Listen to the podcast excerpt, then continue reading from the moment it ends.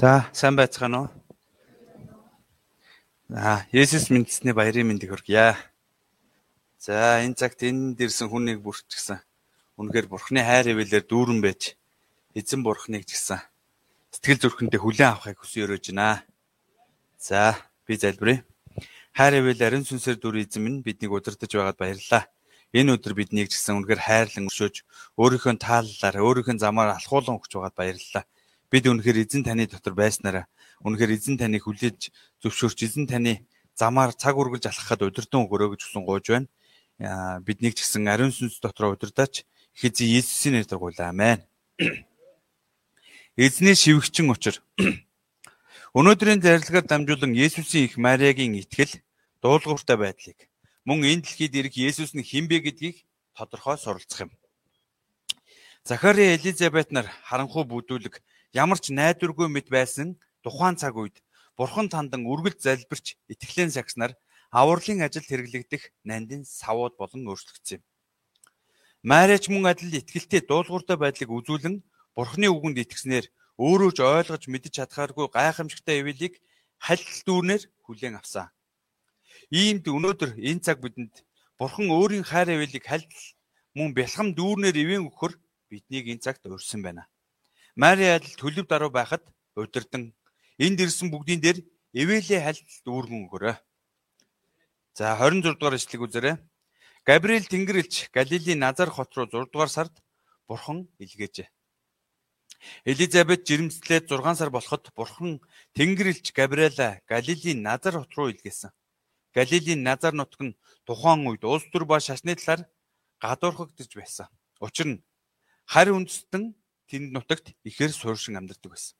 Юудэжүүд сонгогдсон үндэстэн болохын хувьд харь хүмүүстэй холилдсон Галилийн Назар нь тийм ч зохистой газар биш байсан. Монголчууд хоорондоо маргаантай зүйл гарах үед үндэстний ястнаараа талцсан нэг нэгнээ муулах хандлага зөндөө байдаг. Яг үүнтэй адилхан болж байна. Назар хот нь Галилийн өмнөд хэсэгт байсан жижигхэн газар. Өөрөөр хэлэх юм бол одоогийнхоор жижиг сум гэж ойлгож болох юм. Йохан 1:46-г үзвэл хүмүүс Назараас ямар сайн зүйл гарахгүй гэж боддог байлаа. Юудэжүүдийн хувьд аврагч Месиа төрнө гэдэг нь хэн нэгэн итгэлтэй тахилчийн удмаас юм уу? Эсвэл боловсралтай гэр бүлээс гаралтай байх болно гэж тэд бодсон байхаа. Энэ дэлхийд ухаалаг байх нь нэг талаараа хүмүүс зөв мэт боловч Бурхны хувьд эдгээр ухаалаг байдал нь хов хоосон салхийг хөөгтэй адил гэж бичжээ. Харин Есүс хинч бодож төсөөлөж байснаас шал өөрөөр харин бурхны төлөвлөгөө нь бидний бидний хувьд а бидний бодож төсөөлж байснаас шал өөрөөр явагддаг юм. Харин Есүс хинч анхаардгүй гадуурхагдсан хөдөөний назарт амьдарч байсан төлөв дараа ихтгэлтэй хүмүүс болох Йосеф Мари нарыг Месиаг төрүүлэх хамгийн чухал түүхэнд хэрэглэхээр сонгосон юм. Мари Йосеф нар даруй байж Бурхны ажилд хэрэглэгдэх нандин сав болсон шиг бид ч мөн даруй төлөв байснаар Бурхны ажилд хэрэглэгдэх боломжтой юм а. Зарилгын 27 дугаар зүйлийг үзээрэй. Мария Давидын удмын удам болох Йосефтай сүү тавьсан байлаа. Юудын заншлаар бол сүү тавьсан хос нь жил гаруй хугацааны дараа хормын ёслол хийдэг байсан. Гэсэн ч энэ хугацаа нь хууль ёсоор гэрэлсэнтэй адил тооцогдож тэр нэг тэхээс бусад тал дээр гэрэлсэн эхнэр нөхөр гэж үзэгддэг байлаа. Энэ хугацаанд ариун байдлаа сахин бие бие бэлдснээр бурхны дотор энэ гэрэлтээ өргөж буй хэрэг гэж тухайн үед үздэг байж. Тэгвэл Йосефтэй шүүд явсан Мариагийн сэтгэл нь ямар байсан болоо? Матай 1:18-аас 25-ыг уншиж үзвэл Йосеф ядуу мужаан боловч Давидын үр удмын хувьд зөвд төлөвсөн итгэлтэй хүн байсан. Мари ийм Йосефтэй гэр бүл болж хүүхэд төрүүлэх аз жаргалтай амьдрал амьдрал нь түүний хувьд зүүд мөрөөдөл мөрөөдлөөр дүүрэн байсан баха. Гэтэл Мариад гинт юу тохиолдсон бэ? 28-ыг үзвэл Тэнгэрлэгч Габриэл Мариад үзэгдэн ийхүү мэдчлээ. Эвээгдэгчэн баярл. Эзэн чамтай хамт байна. Харин Мари энэ үгэнд ихэд зочин энэ юу мэдчилгээ байх вэ хэмээн энэ талаар эргцүүлэн бодсон. Мари одоо Йосефтэй гэрлэх болсон ивэлдэн сэтгэл ивэлдэн сэтгэл дүүрэн байсан тул үүнээс өөр ивэлийг төсөөлөж чадахгүй байсан. Гэтэл Тэнгэр эс түүнийг эзний ивэлийг авсан ивээгдэгч гэж байна. Тэгэд дахин Мария бүү ээ чи бурхны тааллыг олж химэн айж буй Мариаг тайвшруулв. Тэгвэл Мари ямар ивэлийг авсан юм болоо? Энд ивэл гэдэг үг нь ямар нэгэн сайн үйлс гаргаагүй байхад ямар нэгэн онцгой болцлыг хангаагүй байхад Бурхны зүгээс үн төлбөргүй ирдэг билгийг заан хэлж байна. Ер нь хүмүүс шагнал авах, эд материалын зүйлсээр дүүрэх, өвчин эдгэрэх, асуудал шийдэгдэх мэтийн гих мэд үеүүдэд Бурхан ивээсэн гэж баярладаг. Мэдээч хэрэг эдгээр нь Бурхны ивэл мөн. Гэвч үүнээс илүү харьцуулшгүй хамгийн үн цэнтэй ивэл гэж байдаг. Тэр нь жухам Есүс Христийн золиослолоор дамжуулан ирдэг авралын хайр ивэл ба Бурхны алдартай авралын түүхэнд нанднаар хэрэглэгдэх юм а. Мария энэ дэлхийн эмэгтэйчүүд дундаас хамгийн том ивэлийг авсан. Мария одоо байгаа өөрт нь тохиолдсон зүйлсээс хангалттай ивэлтэй байна гэж үзсэн. Эдгээр Мария бурхны онцгой ивэлийг хүртээгүй байсан ч гэр бүлийн халуун хараар дүүрэн энгийнээр сайн ээж, сайн эхнэр болон амьдрах боломжтой. Энэ дэлхийн хүмүүс хүмүүсийн айдлаар авмаар байгаа зүйлс, хиймээр байгаа ажлаа хийн, өөрийн гэсэн үзэл бодол, итгэлээр энэ дэлхийн хувьд сайн хүнээр амьдрах нь бүрэн боломжтой байсан. Гэтэл ийм дэлхийн хоосон байдлын төлөө зүтгэж байгаад өгөх байсан жирийн эмэгтэйн амьдралыг давж Бурхны авралын түүхэнд хамгийн нандин эмэгтэй болж хэрэглэгдсэн нь Иvēлийн дээд Ивэл юм а. Мари ямар ч болцлыг хангаагүй байхад Бурхан түүнийг сонгож хүн төрлөختний аврагч Месиаг төрүүлэх хамгийн нандин бэлгийг өгсөн. Мари бүх үеийнхэн дурсагдах агуу эмэгтэй болсон. Биднийг ч мөн Бурхан ямар ч болцолгүйгээр өөрийн сайн мэдээг бүгд дэлхийд тараалгахаар сонгон дуудсан юм а. Татаагүй, гэмт хүлэгдсэн ямар ч тэмцэлгүй. Тэгээд бүр гмийн хүлээсэндээ байсаар гарч чадахгүй бид бүхнийг сонгон дууснаар өөрийн дундаршгүй хайр авилыг хүртээсэ гэж хүсэж бидэнд ивэлийг дүүрэн зөвшөөрөө өгдөг юм аа. Алтгааж байгаа хүмүүс газраас жаахан ч гэсэн алт олох үедээ үнэхээр их баярлдаг. Тэгээд үргэлжлүүлэн алт олохыг хүссэн ч алт нь тийм ч амар олдох хэд биш. Бинхүү заримдаа тэд алтаа хайхан болдог. Гэтэл алт гарсан газараа сайтар харан алтны судлыг олон газрын өөд зүв хайгуул хэвэл жинхэнэ цул алт бүхий их хүсэл дээр нэрнэ дуусахгүй алтаа болох адил бид ивэлийг дөнгөж зах цухыг хараад өөрийн амьдрал тохиолдож буй багхан өөрчлөлтийг харан сэтгэл ханах нь бурхны жинхэнэ хүсэл биш юм. Харин алтны судлыг даган эрэл хайгуул хийдэг шиг хичээл зүтгэлтэйгэр бурхны үгийг судалснаар жинхэнэ бурхны бидэнд амлсан ивэл өрөөлтэй амьдралаар амьдрах нь чухал юм. Бид энэ дэлхийд сайн хүнээр амьдрах нь энгийн зүйл. Харин энэ дэлхийн сайн мэдээний төлөө амьдрах нь үнэхээр хайр ивэлтэй дундаршгүй алт олсон мэт онцгой ивэл юм аа.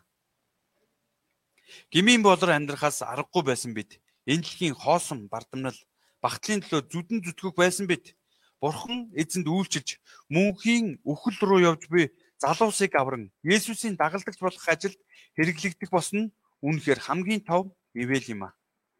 Ивэгдэгчээ баярл. Эзэн чамтай хамт байна. За тэгвэл Мариагийн төрөлх хүн хинбэ? Нэгдүгээр зүйлийг үзээрэй. Үзэгтэн чи хөвлөдийн үртэй бож хүү төрүүлнэ.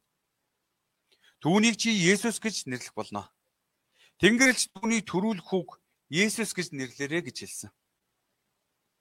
Есүс гэдэг нэр нь өөрийн ард түмнийг гим нүглээс аврах, аврагч гэсэн утгатай. Мариагийн төрүүлэх хүүн хүн төрлөختний гимээс аврах цорын ганц аврагч Месиа байсан. Хүн бүрт өөрт нь таарсан олон асуудал байдаг. Хөгшин өндөр настан байна уу? Эсвэл дөнгөж хөлд орж байгаа хүүхэд байна уу? Бүгдэнд нь асуудал байдаг. Гэхдээ бидний хамгийн том асуудал бол гмийн хүлээсэнд амьдарч байгаа явдал юм аа. Бурханаас салангад бүх хүн гмийн хүлээсэнд амьдарч байгаа тул хичнээн хөрөнгө мөнгөтэй, мэдлэг боловсралтай, авиас чадвартай, өндөр байр суурьтай байсан ч жинхэнэ сэтгэл ханамж, амар тайван ад жаргалыг хамсаж чадахгүй. Хүн энэ дэлхийд хинж гимээс ирдэг зовлон ба үр дагавраас биднийг аварч чадахгүй. Зөвхөн аврагчаар төрсэн Есүс л чадах юм аа. Учир нь Есүс хүн төрлөختний бүх гмийг үүрэн загалмайд цовдлогдсон дахин амьснараа гмийн ба үхлийн асуудлыг бүрэн шийдсэн юм аа. 2-оос 33 дугаар зүйлийг харуул. Тэнгэрлэгч өргөжлүүлэн Есүсийг хэн болохыг тайлбарлан өгч байна. Нэгдүгээрт Есүс нь агуу нэгэн болно. 32-ийн А дээр тэр хүү агуу нэгэн болох ба хамгийн дээдний хүү гэж дуудагдана гэсэн байна. Энэ дэлхийд агуу гайхамшигтай хүн олон. Гэхдээ эдгээр олон хүн олон бол эдгээр гайхамшигтай хүмүүс олон боловч Есүстэй тэднийг харьцуулшгүй. Учир нь Есүс бүх талаараа агуу нэгэн байсан. Юуны дөрөнд Есүс дотоод чанараараа агуу юм. Ялангуяа Есүсийн төлөв даруй чанар нь түүнийг агуу болгож байна. Уг нь Есүс хамгийн дээд Тэнгэрийн хаанчлал сүр алдрыг эдлэж байж байсан.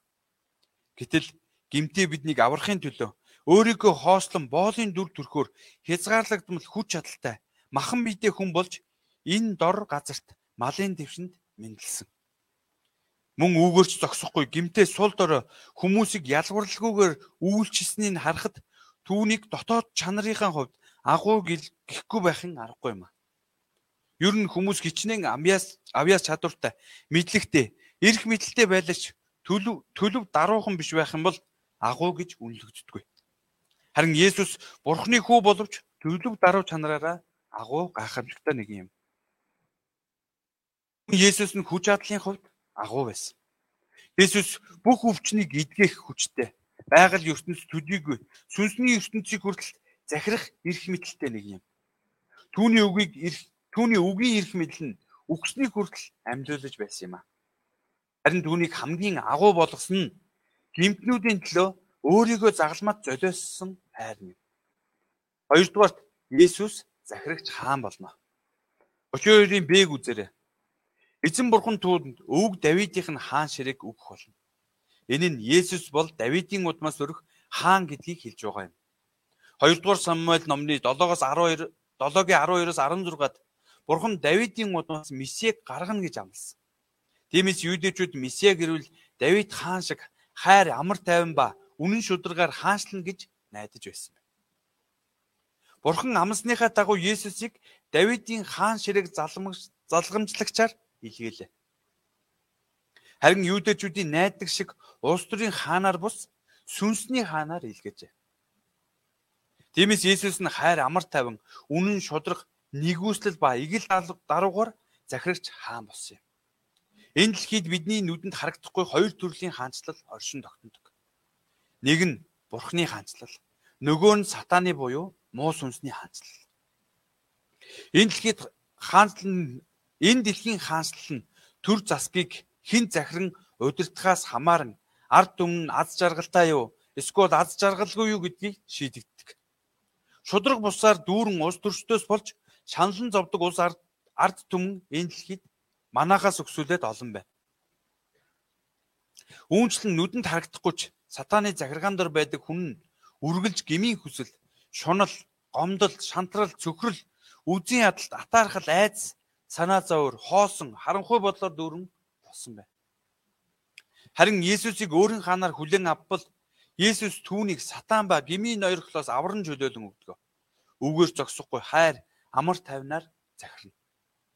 Тиймээс хаан Есүсээр захирагдах нэг нь хэцүү зүйл байсан ч хэцүү байдал донд орсон ч үргэлж баяр хөөр, амар тайван, эрх чөлөөг мэдэрч аз жаргалтай амьдардаг.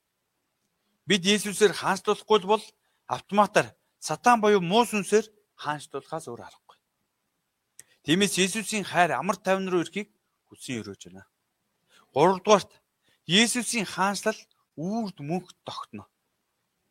33-ыг үзээрэй. Тэд Яаковын гэрийг үрд мөнх хаанчлах бөгөөд хаанчлалд нь төгсгөл үгүй. Энд Яаковын гэр нь Махбодын хувьд үр удам болсон Израилийг давж сүнсний үр удам болох бүх итгэгчдийг хэлж байна.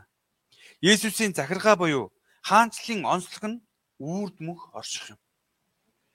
Дэлхийн улсууд ба хаанчлал нь төр зур оршсоор ирсэн. Үүр таанчлах байсан хүчрхэг улсууд нь төмөр бутран унах мэт хөнөөгдөн алга болж байна. Бидний сайн мэдэх эзэн Чингис хаан дэлхийн талыг эзэд байсан ч Энэ хаанчлалт нь мөнхөд тогтоогүй юм а.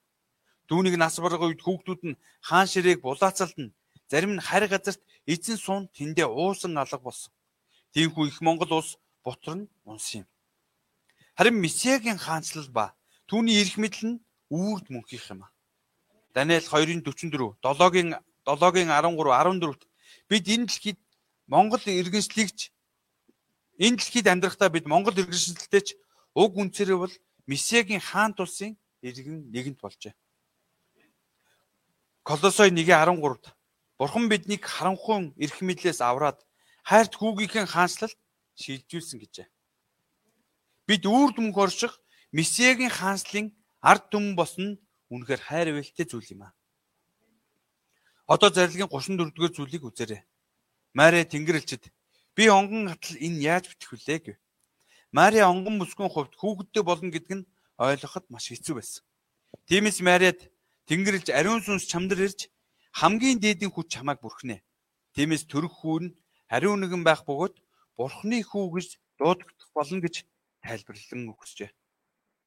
Энд ариун сүнс ирж бурхны хүч түүнийг бүрхэн гэдэг нь эхлэл нэгийн хоёр дээр гардаг шиг. Ариун сүнс усны мандал дээгүүр илэн хальж байгаад юу ч үгүйгээс орчин ертөнцийг бүтээсэн шиг бурхны бүтээх хүч чадал нь түүний биед ажиллан үр дагах болохыг тайлбарлан өгсөн. Өөрөөр хэлбэл Есүс Мариагийн хөвдөд бүрэлдэн мэдлэх нь зөвхөн ариун сүнсний болон Бурхны хүч чадлын ажил гэдгийг заан өгчээ. Бид заримдаа Бурхны ажлыг бид заримдаа Бурхны ажлыг бодох үедээ ойлгохгүй зүйл олон байгааг анзаардаг. Тиймээс бидэнд итгэхээс өөр сонголт үлддэггүй. Энэ хүний оюун ухааны давдаг юр бусын гайхамшиг юм. Есүс хүний аргаар бус зөвхөн ариун сүнсний хүч чадлаар бүрэлдэн төрсөн учраас ямар ч гим зэмгүй ариун бурхны хүү юм а. Мөн Мариагийн биеэс төрсөн тул махан биеийн биетэй төгс хүн. Есүс нь бурхан хүн төрлөختөн хоёрын хооронд зууж болохын хувьд нэг талдаа бурхан нөгөө талдаа хүн байх хэрэгтэй. Тиймээс энэ Есүс л бурхны шаардлагыг хангасан гим зэмгүй бурхны хураг болж чадах юм аа. Мөн бүрэн хүн учир бидний мөксдлийг хуваалцсан ойлгож чадна. Энэ Иесус бурхан ба хүмүүсийн хооронд ганц зуучин юм. 36-ад Тэнгэрлэгч үргэлжлүүлэн Мариагийн итгэлийг баталгаатай болгохын тулд садан болох Элизабетийн жишийг хэлж өгсөн. Элизабет нь хүүхэдтэй бол болох ямар ч боломжгүй нөхцөлтэй боловч Хевлидийн хүүхэдтэй болсон гэвэл Бурханаас өөр хэн ч үүнийг хийж чадахгүй учраас юм. Тэгээд бурханд боломжгүй юм гэж нэгч байхгүй хэмээн Мариад төгс бүрэн хүч чадалтай бурханд итгэх итгэлийг суулгасан.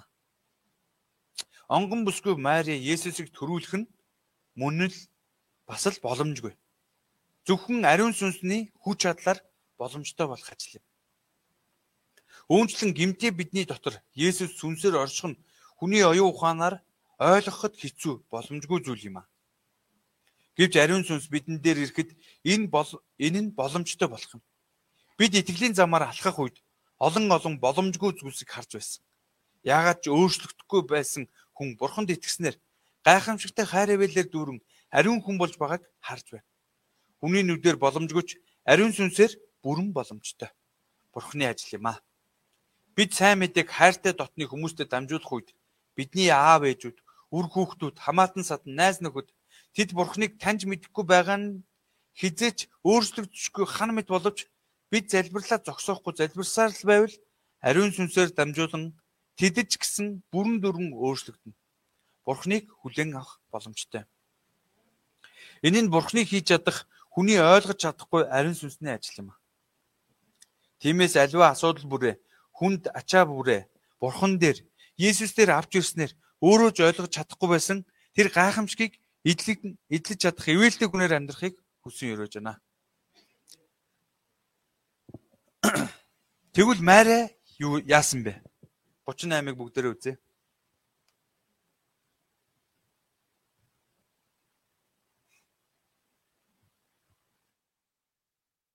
Таглаа. Эзний шигвчнийг харагтун хэлсэн үгийд нь дагуу надад биелэх болтугай. За Мария хувийн итгэлтэй хүн байна. Юуны өмнө өөрийгөө хинбэ гэдгийг сайн мэдсэн. Тэр өөрийгөө эзний шивгчин гэдгийг мөн эзний таал нь хамгийн чухал учир түүнийг дагах ёстойг сайтар ухаарсан.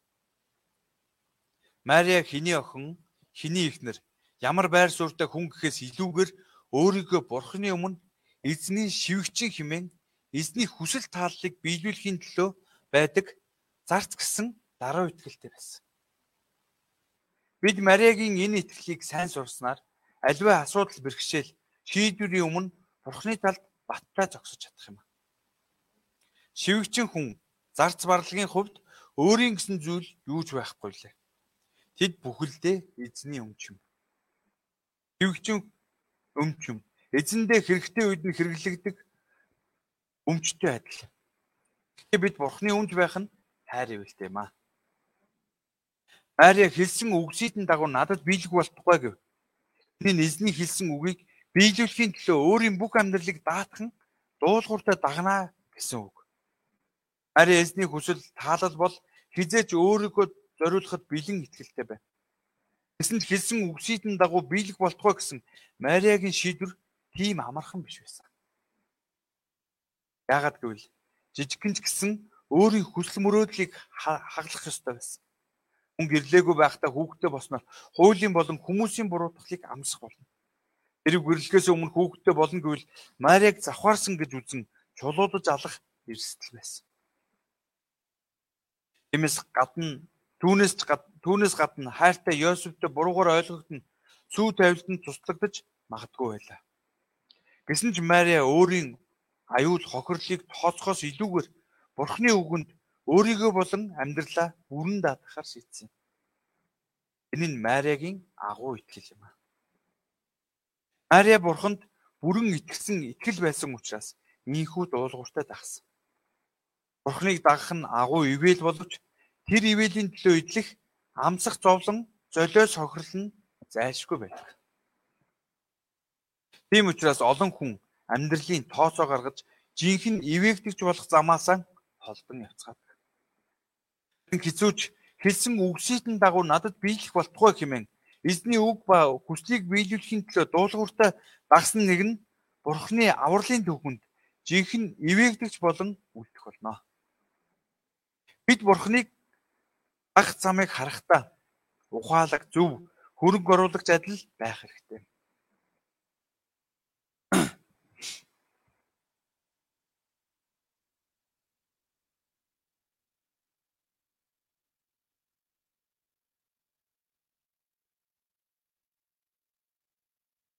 Байх хэрэгтэй.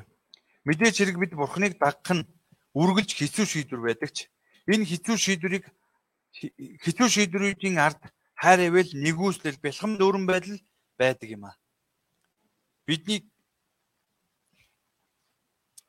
бид бидний дунд өөрийгөө эзний шивгчин гэдгийг хүлээн зөвшөөрсөн. Түүний хүслийн төлөө өөрийгөө бүрэн зориулахад бэлэн итгэлтэй эмэгтэйчүүд олноор босч чадахыг хүсэн гуйж байна.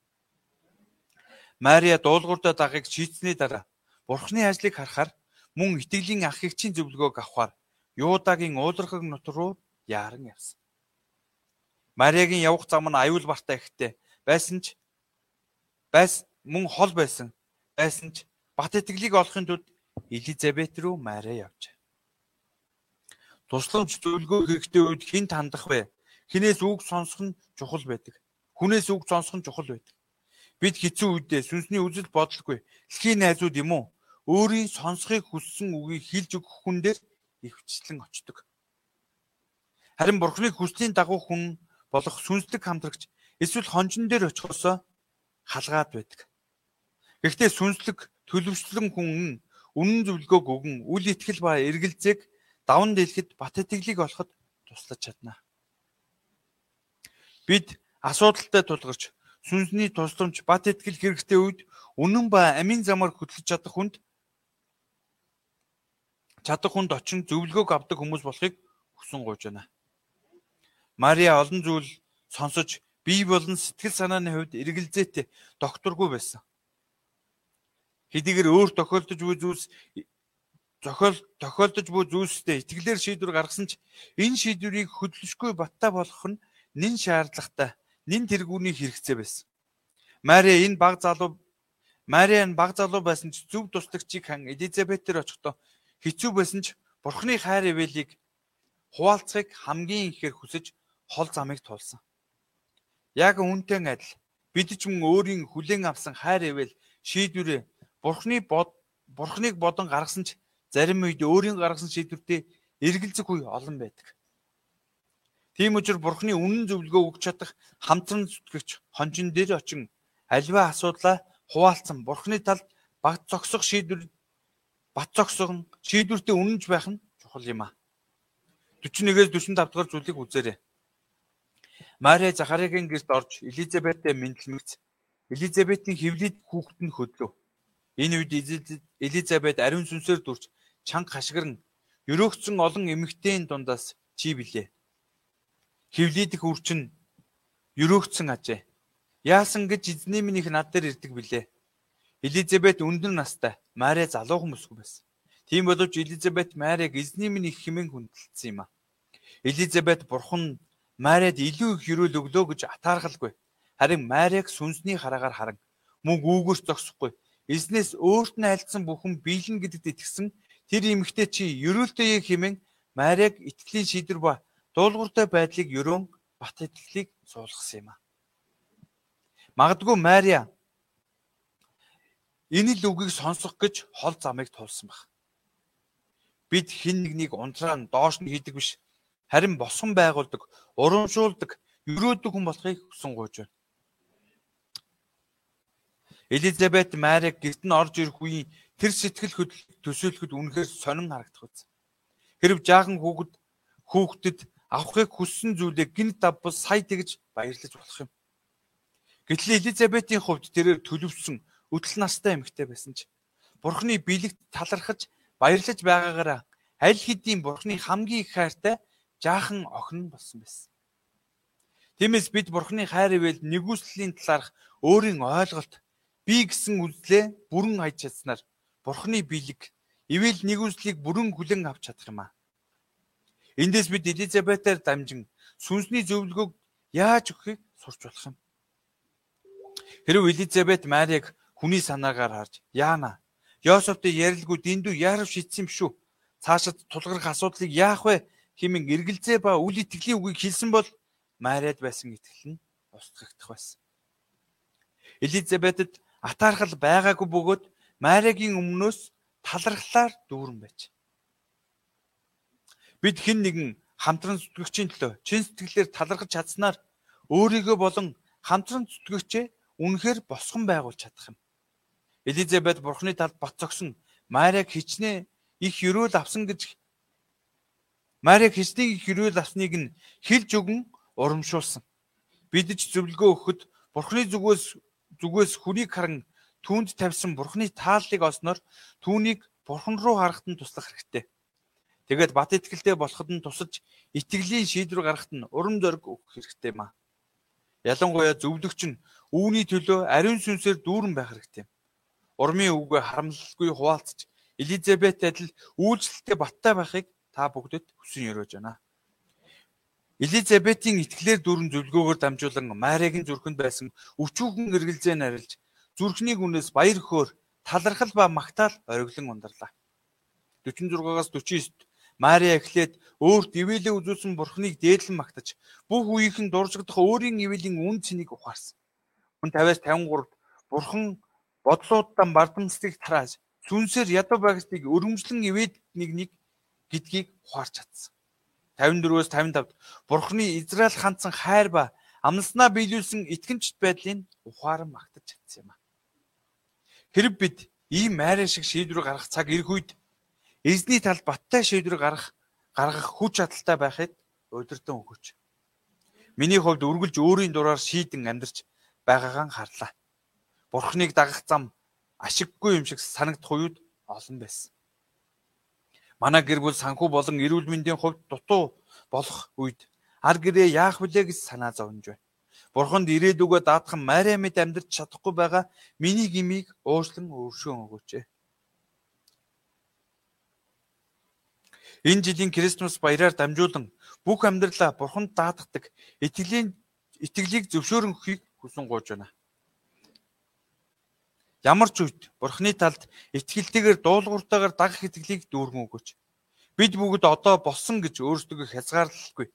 Харин ч Бурхны хамгийн хайртай хүүхдүүд болж баярлан хөөрөхөд урамшуулж өгөөч. Дүгнэлт. Энэ жилийн Крисмас баяраар дамжуулан бид ч Мари шиг энэ цаг үеийн авралын ажлын төлөө сонгогдсон гэдгээ гүнзгий хүлээн зөвшөөрөн Бурханд магтаалууг өргөж чадахыг хүсэн өрөөж байна. Мөн Мари шиг хэлсэн үгсийн дагуу надад биелэх болтугай хэмээн Бурхны үгэнд өөрийгөө бүрэн зориулах итгэлийн шийдвэрийг гаргаж чадахыг та бүхнээс хүсэн гуйж байна. За би залбирая. Хайр хэвэл ариун сүнсээр дүр ээ. Биднийг удирдах байгаад баярлалаа. Маригийн итгэлээс сурж даруй дулв байж эзэнд хандсан шийдвэрүүдийг гаргахад ивэж өгөөч гэсэн гуйж байна. Хайртай бурхан мөн Элизабет адил Мариаг босгон байгуулдаг тэр гайхамшигтай тэр эзний төлөө гэсэн тэр зүрх сэтгэлийг өвлөж бид ч гэсэн бусдыгаа босгон байгуулдаг бусдаа ч гэсэн сайнаар нөлөөлдөг сайн чиглүүлэгч нар байхад удирдан өгөөч. Аава та бидний эргэн дойронд байгаа хүн нэг бүрийн дээр тэднийг та үнэхээр ямар ч болцлогоогоор сонгонд нууцнд баярлалаа. Биднийг ч гэсэн өөрийнхөө авралын ажил цаашдаа хэрэглэхийг хүсэж байгаад нь талархаж байна. Бүх алдар магтаал нь танд байг. Есүсийн нэрээр гуйлаа. Амен.